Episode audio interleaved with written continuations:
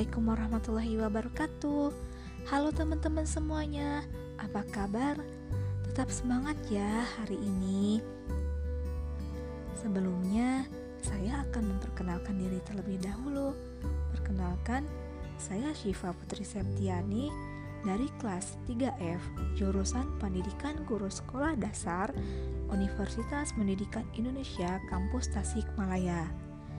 Tujuan saya membuat video ini Selain untuk memenuhi tugas mata kuliah pembelajaran digital, juga untuk menambah wawasan terkait materi yang akan saya bawakan.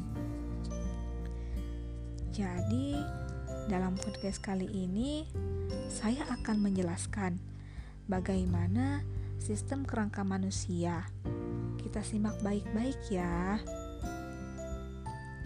Teman-teman semuanya, apakah kalian sudah memahami Apakah itu sistem kerangka manusia? Jadi, rangka merupakan rangkaian tulang yang mengelilingi organ tubuh yang lunak. Rangka tubuh manusia tersusun atas 206 tulang yang membentuk suatu kerangka tubuh yang kokoh. Penghubung antar tulang disebut persendian atau artikulasi. Sistem rangka yang terletak di dalam tubuh serta dilindungi oleh otot dan kulit yang disebut endoskeleton.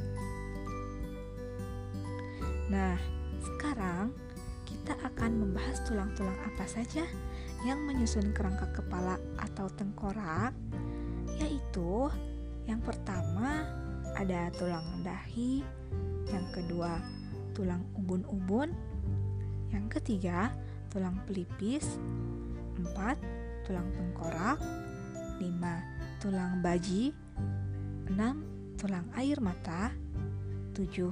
Tulang pipi 8. Tulang hidung 9. Tulang rahang atas 10. Tulang rahang bawah dan yang terakhir 11 yaitu tulang lidah.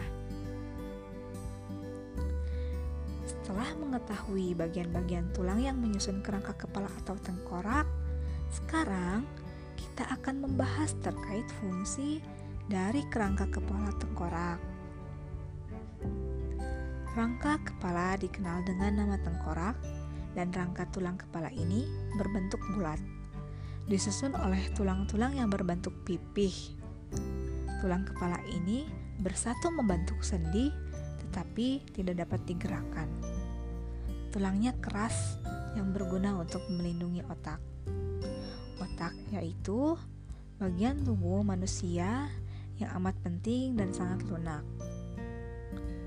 Nah, jadi seperti itulah teman-teman sistem kerangka manusia di mana salah satunya yaitu kerangka kepala atau tengkorak yang terdiri dari beberapa tulang. Di mana tulang-tulang yang tidak bisa digerakkan berfungsi untuk melindungi otak. Oke, teman-teman. Sekian sedikit penjelasan dari saya mengenai sistem kerangka manusia. Mohon maaf ya apabila terdapat kekurangan dan kesalahan. Semoga penjelasan saya ini bisa bermanfaat untuk kita semuanya. Dan untuk saya pribadi, saya undur diri. Terima kasih. Wassalamualaikum warahmatullahi wabarakatuh. Bye bye, sampai ketemu di episode selanjutnya.